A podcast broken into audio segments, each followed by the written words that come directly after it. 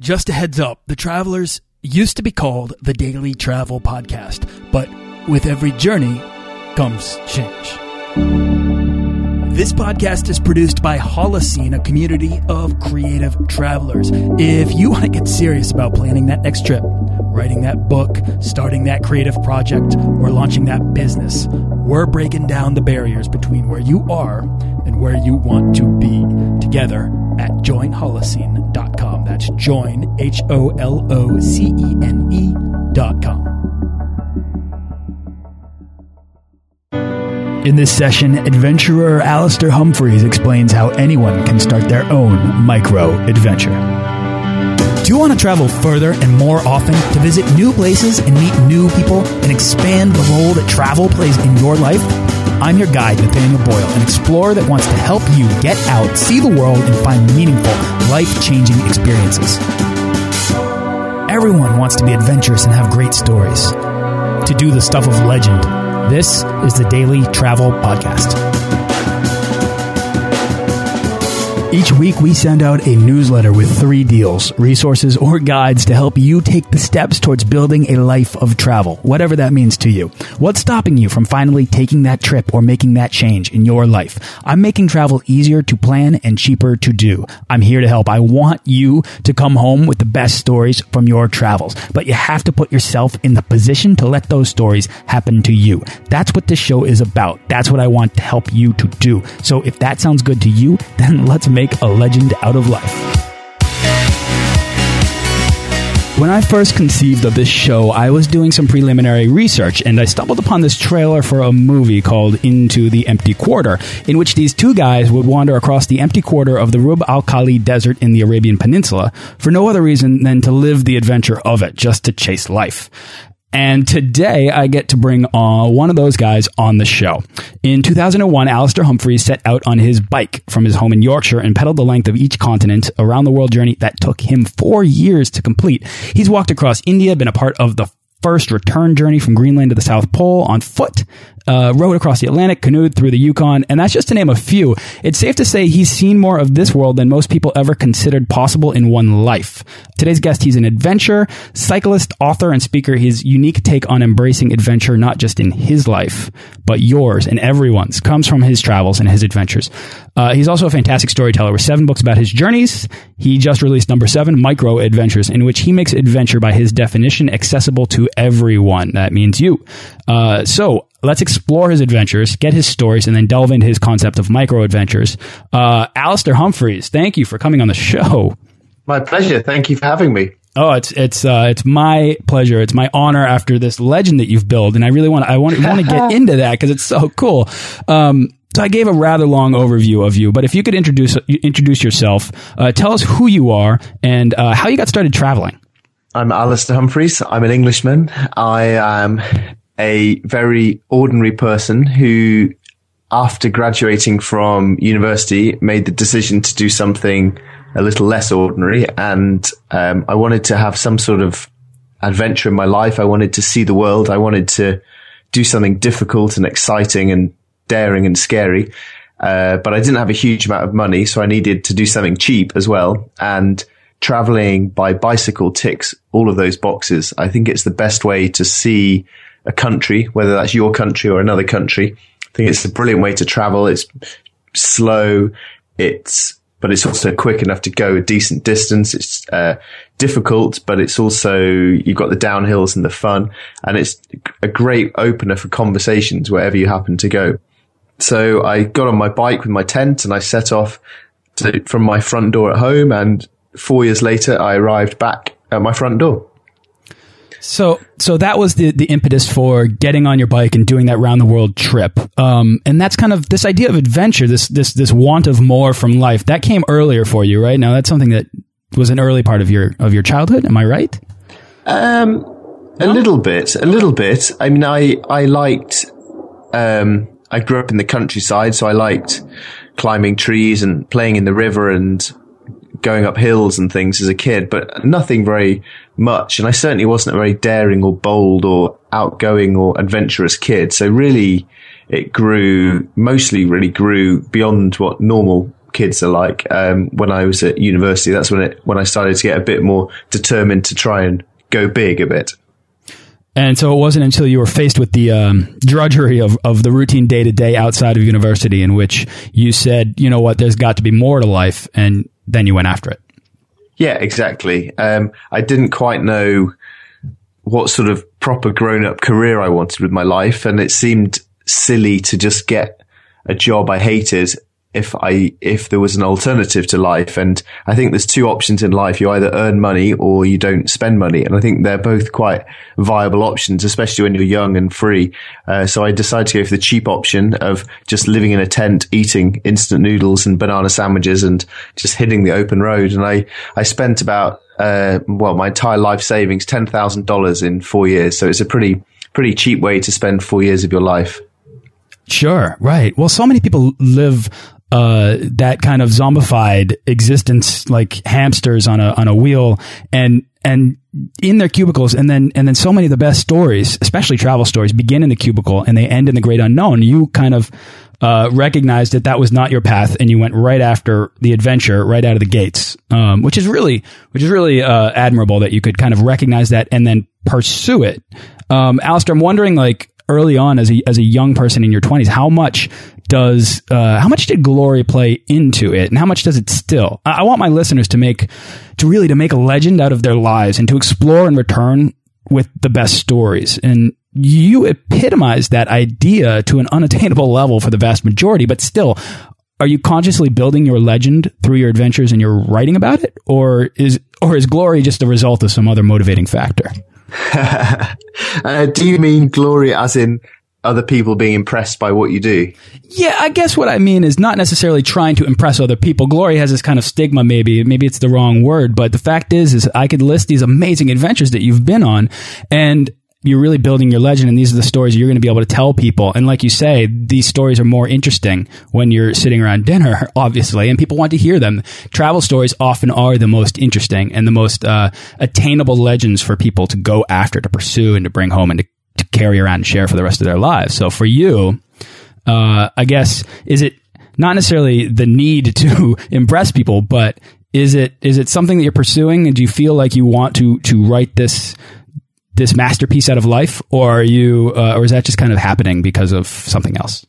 The reason I the reason I asked you to clarify your questions because I I I'm trying very very hard to live the most amazing life that I can for my own sake, for my own personal sake. And I try, on the flip side, I try very, very hard to not do anything in life in order to um, impress other people. Um, so, so when I try and decide what expeditions to do, I ask myself the question, would I do this if nobody would ever find out about it?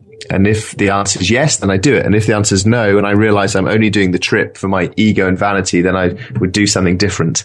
Um, and I, I think that's a, that's the, the, it's a slightly strange thing now. My career has come through my adventures and therefore I, I make my living by writing, speaking, making films about my adventures or as I usually describe it, showing off about myself on the internet. So it's, it's quite, it's quite a, a strange, um, balance to try to get. Um, but mostly I do this because I just want to fill my own life with things that are exciting and meaningful to me and fulfilling to me and rewarding to me.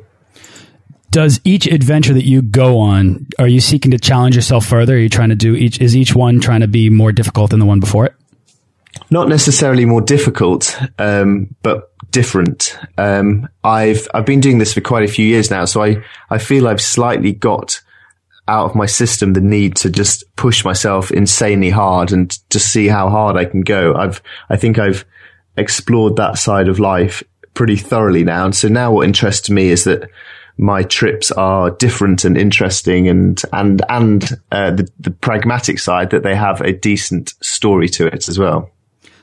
I'm asking that because I'm making a comparison here in my head as I listen to you talk between your and I don't know if you've ever if anyone's ever said this to you, but I'm going to go for it.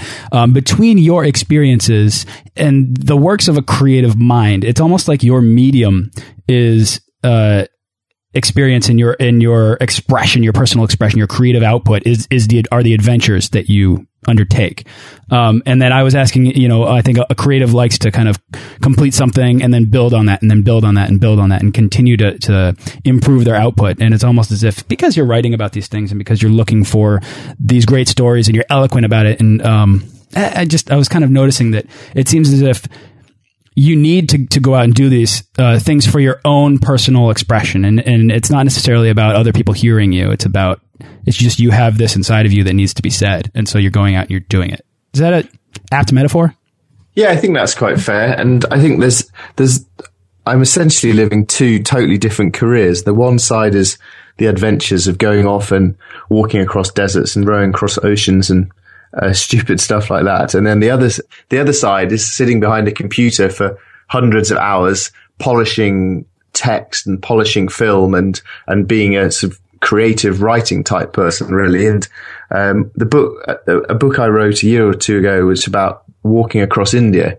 I wrote that essentially just it's quite a weird book, so I didn't really write it for anyone else but me. Um, and it was just the book that I wanted to write in the way that I wanted to write it. And I had to try and and I, I really enjoyed that process of just trying to write the best book that I could that meant something to me. And then hopefully other people would like it as well. But I really, re- that book I really went about just writing for myself. And that's how you're able to have a career out of what it is that you do. Because I think adventure, it seems like going on adventure seems like it's not enough. You need to actually document to create these these um, these works and then put them out into the world to see who's interested. Well, sure. I mean, adventures cost money; they don't make money. Um, so they, they, the, you have to either be like in the good old days of British exploration, you ha- you you could be just very rich, or the more modern thing is you have to make money, which generally people do through uh, writing. Uh, books, blogs, websites, um, magazines, and giving talks, and now making films as well. So, just talking about your journeys itself, and I, I want to kind of get into it. It seems like a, a, lot of your journeys are, are they're very slow and they're very much, um, what's the what's the best way of putting this? I guess they're right there in the in the elements and in the culture. For example, you could fly across uh, you know, fly around the world and you would have, you would experience none of it. You could, uh, drive across, you know, take a train and you would experience less of it. You could drive and you'd experience a little bit more, but still less. Or you could ride a bike uh, or walk across India. And you, you're really in it. I mean, every rainstorm you feel, right? Every, uh, the people come out and meet you on the streets. Uh, is that, is that something you're, you're, you're pursuing that builds in and becomes a part of your adventures? Yeah, definitely. As, as much as possible, um, I want my trips to be, um, human powered, so physically done by me. So I, I, don't really have an interest in driving a long way or something like that. Although I could, I could imagine myself hugely enjoying taking massive train journeys at some later point in my life. Uh, so I like them to be physical and doing it myself. I, and I think the slower you travel, the more rewarding the experience is. Um, and I think generally the more difficult the experience is, the more rewarding it is. So, so a bit of a self-imposed misery is a good thing as well. I think so. Sleeping in tents rather than hotels, um, swimming in rivers, that sort of stuff. I think all really adds to the the feeling of it being a, an adventure and a challenge. And I think it the most rewarding travel experiences are the ones that are, are quite difficult and you're slightly pushing your limits all the time. Do you have a story from your uh, walk across India that sticks out to you as having happened as a result of just being on foot? Oh, the my entire experience of India came about because of that. I mean, you're traveling at the speed that most of humankind has traveled at for most of history, um, and in India, where there's never a moment's solitude, there are people everywhere. You can't escape that when you're walking. So you end up walking with people to school, walking with them to work or on the way to market. Um, it, you, you can't just, you don't just can't and don't just zip past people's homes. So when someone's outside their home calls you, Hey, come and have a cup of tea then you stop, you go have a cup of tea, you meet the family, you chat. Maybe they invite you for lunch. Maybe they invite you to stay the night. Maybe they take you off to show you their prize cow. The, all these, just the entire thing came about because of being on foot. and then I suppose uh, the actual reaching my goal, which is the source of this holy river in the in the uh, mountains of Kerala in Western India, was just so um, rewarding because of the effort that had gone to getting there, rather than just jumping in a car or a taxi or a train or something. Do you often put a goal at the end of your adventures? Yeah, I do. I really like my trips to have a a definite. I'm going from A to B, and the hook is X. so I like I like there to be a, a story and a purpose to it. I'm too I'm a lazy person at heart, and if I just set out on a country to say that I was just going to cycle around and explore the country, I would very quickly just find an excuse to sit in a cafe and check my emails. Um, so I need to have a purpose going from somewhere to somewhere. And things like following a river is a brilliant way of immediately creating an arbitrary journey, which will lead you to adventure along the way or going from a coast to coast or finishing at the sea, which is a lovely, clear end goal and something to, to earn and, a reward at the end. There's things like that. I like, so I definitely like to have a purpose to all of my trips. No, that's cool. So I, let's get into that because I really want to hear about your perspective on adventure and then applying it to what you have recently dubbed as micro adventures. So let's get into that. But I, you know, I've been thinking a lot lately about about how adventure is relative, and that's one of the kind of prevailing motifs of this show. This idea that you you don't need to go to far flung places to find adventure. Um, but I first want to define adventure, and and then I want to get into um, accessibility. What's your definition of adventure, and why is it something not just worth pursuing, but actually important to go after?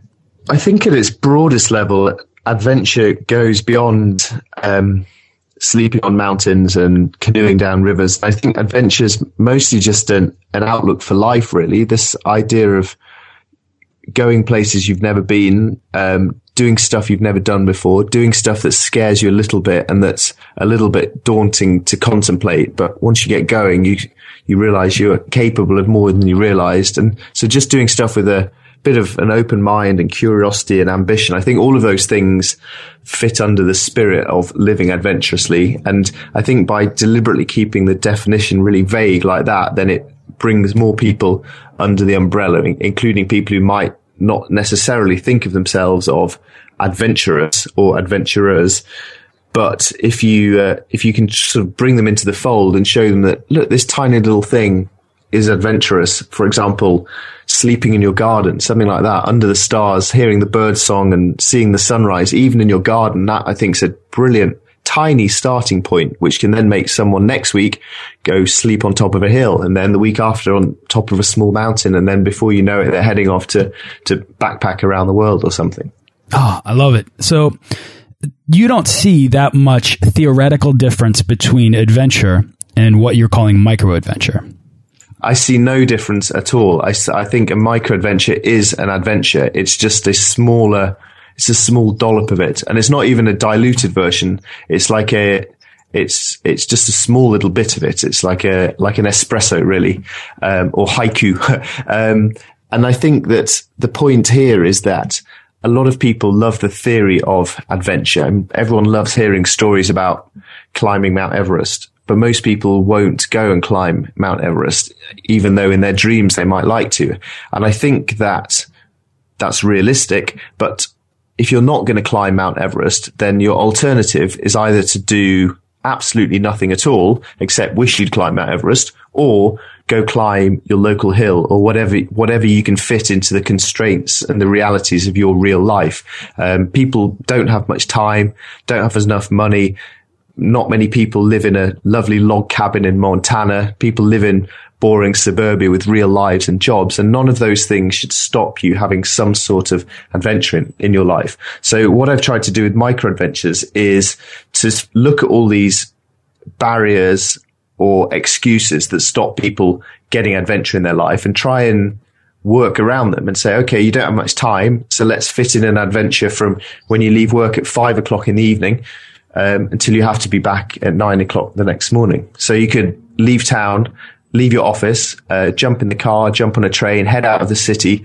go climb a hill, watch the sunset, sleep under the stars, run back down in the hill in the morning, swim in a river to freshen up, back in your car, back to your desk by nine o'clock. And that's a fantastic adventure squeezed into the working week. One excuse, because you're talking about some excuses and overcoming those. The one that sticks out to me the most is not it's not time or cost or any of those things because we're talking about what's in your backyard. It's the level of fulfillment that you derive from the micro adventure. It seems really difficult on a regular basis to overcome the inertia of life. Uh, and if you're not looking at something that is maybe more legendary that creates that ultimate story like like Everest or maybe not even something that big. Um, it, it, can be really hard to find the motivation to get up off that couch and to go out and find the rewards. But you're here to say that and I'm bringing you on the show right here to say that those rewards are there and that they're worth pursuing. Well I think what I'm saying is that um, I agree that climbing Everest is a bigger kick in life than sleeping on top of your local hill so there are two things here. One is if you're never ever going to climb Everest realistically, then surely it's better to sleep on your local hill than nothing at all. And the second part of it is if you're dreaming of Everest, but inertia gets in the way, inertia is what stops so much in life, then take that first tiny step, that first tiny step of sleeping on your local hill and that gives you a tiny bit of momentum. And as you know, when momentum builds, a bit bigger hill the next week, a bit bigger hill the next week. And before you know it, you're, you've changed your lifestyle patterns and you're in motion towards quite possibly and realistically actually going to climb Mount Everest. I love that. All right. So uh, climbing a mountain, any mountain, Everest, any mountain, it, it's a series of small ascents, right? And so, so identify, it sounds like you're suggesting people identify their Everest, figure out what it is that you want to do. And if you can't go and do that right now, find the small steps, find the baby steps towards creating habits that make you actually hunger for more of that sort of activity so that you can work your way up to prioritizing the greater adventures that might be out there waiting for you someday. And if not, at least you've done something. Absolutely. Um, just before just before we started this call, I was I'm um, on the Amazon website trying to make my books page look better on Amazon, and by I came across the um, very first book I ever uploaded to Amazon.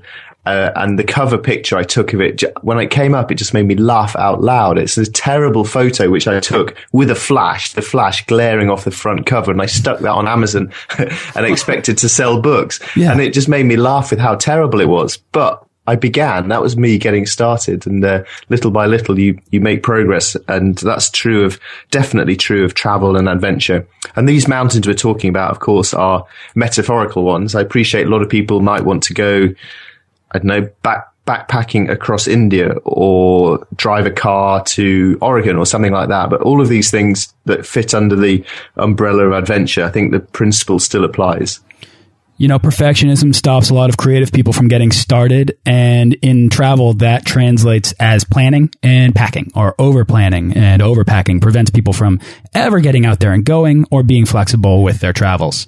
Yeah, uh, I think there are, I think there are a lot of people who spend a huge amount of time on internet forums discussing the tiny details of what rucksack they should buy rather right. than just buying some sort of rucksack, getting out your front door and going. Um, and you figure stuff out along the way. The world is not really that big and scary once you're out in it. Everywhere you are in the world is just somebody's local town. It's someone's boring normal life. And once you start to realize that, then it's quite comforting that you really can feel at home in a lot of places in the world. You know, and take that advice from someone who has wandered slowly across uh, vast swaths of this planet. Uh, how can someone go about planning a micro adventure then? Um, step one. Step one is to commit to a date. And this time of year is great because in the Northern Hemisphere, at least it's midsummer. So you've got really light, long evenings. So find, find a day and commit to it that you're going to go do something that day. Find a couple of friends to come with you because then you're less likely to chicken out of it if you're committed with a couple of friends. Uh, find some, uh, local area where maybe somewhere you've never been before. Um, in the UK, you can just basically just go sleep any, wherever you feel like, and no one will really mind. In the US, you might want to Google for the um, primitive camping. It's called, isn't it? Where you, the, That's right. places where you can camp legally, but very primitively. Find one of those within an hour of where you live, and just go there. Take whatever kit you already have: a sleeping bag, a rucksack, a woolly jumper, some food. Just go and do it. It doesn't have to be any more than that. And once you've done that, then the next time you can start to plan bigger and more ambitious things. So you're you're barely talking about planning. You're barely talking about putting much thought into this. To you, this is almost a philosophy of of activity and and uh, mindset change than it is actually going out and planning this tiny venture. Yeah, I think I think the planning part is important only to get you confident enough to actually get out of your front door and begin. Um, that's the heart. When, when I cycled around the world, I did a lot, a lot of planning. And within a few days of pedaling away, I realized that all of that planning had only been useful just for making me brave enough to begin because to cycle around the world, all you need is a bike and a tent and you just go. And that's, and that's absolutely no more different than going to camp somewhere for the weekend on a bicycle. It's really not. But so the planning just helped be, be brave enough to get out the front door. Now you're living these micro adventures yourself, right? You're going on them on your own. Yeah, go on. I, I've still got dirty fingernails now. I was sleeping on a hill last night. Uh, uh, so yeah, I'm still still doing these sort of things. Definitely fun. Can you give us uh, other examples of micro adventures you've been taking in London or in England? Um, sure. Um, so I love rivers. I love canoes, that sort of thing. But canoes are quite expensive and they're also a hassle to carry around and to get from A to B. So uh, me and three other friends, we bought some tractor inner tubes, the, the tubes that go inside the big tractor tires. Uh, four inner tubes for 50 pounds. That's about 70, 80 dollars. Uh, and then you've got yourself four canoes effectively, dr- drift down the river uh, all day to the sea, to the beach, sleep on the beach for the night, deflate your tractor in a tube and get the bus back from the beach back to work the next day. So little things like that. Um, so you can cycle from the house where your mum was born to the house where your dad was born. It's just a totally arbitrary journey just to make you go from A to B and then interesting stuff will happen along the way. Um, going out to going out for a walk under the full moon, I think is a really really nice starting point because the world looks very different at night time and the full moon makes it light enough to see without a torch, without a flashlight. Um, but it makes the ordinary familiar places you live in suddenly look and feel different and less ordinary and a bit more wild and exciting. And I think that shows quite nicely the idea of just trying to look at the ordinary with fresh eyes and a fresh perspective and to give you, uh, and just to try and look at anything a little bit more adventurously. See, that's it. That right there is the reward that I might have mentioned earlier about overcoming that inertia of life because there is something else out there. It's just that it's hard to see it when you see it through through the routine vision of the day to day, you know, the drudgery of day to day, it all looks the same. It all looks like that's your home. Like the you you know what to expect. There's nothing out there that's really all that adventurous. But once you're out there and you're actually putting yourself in a position of finding new things and appreciating it in a different light, uh, that's when the reward of of of the of the new of kind of uh, satisfying that addiction to new things. That's where that's where it's hiding, and that's where you can find it and find adventure. Yeah, absolutely. Um, and I think just getting started is the is the crucial thing. Getting going, and then the rest will follow. Imagine if everyone had that perspective on life. That's a real childlike uh, sense of wonder and awe about the world that's still out there. That's that that that's the approach that a kid would take in his backyard, you know, playing with a hill of ants or something. And you're able to kind of uh, perpetuate that perspective, that imagination into your day to day life, and create this thing called micro adventures. That do you see that as a movement? Um yeah, perhaps. I mean, a movement starting to sound a bit grand, but yeah. certainly the um, social media has been so good for this. The uh, the idea of the hashtag, um, and in order to just bring together people with a similar uh, interest wherever they happen to be in the world, and the the micro adventure hashtag has been brilliant to show normal people that other normal people like them are out there doing this crazy sort of stuff, sleeping on hills in the middle of the week and then going into their office. This sort of stuff normal people are doing. It's not just me, the, the weirdo professional adventurer. So, so I think that's really helped it to grow. And if you look online now, I mean, just, just last night, there were lots of people sleeping outside. And I think that's just absolutely wonderful. People making the most of the summer. It's amazing. I love that. I mean, that's change right there. Um, So, all right, it's a nice day there. I'm going to let you get back to it, and we're going to wrap this up. But is there anything else you'd like to share before we go?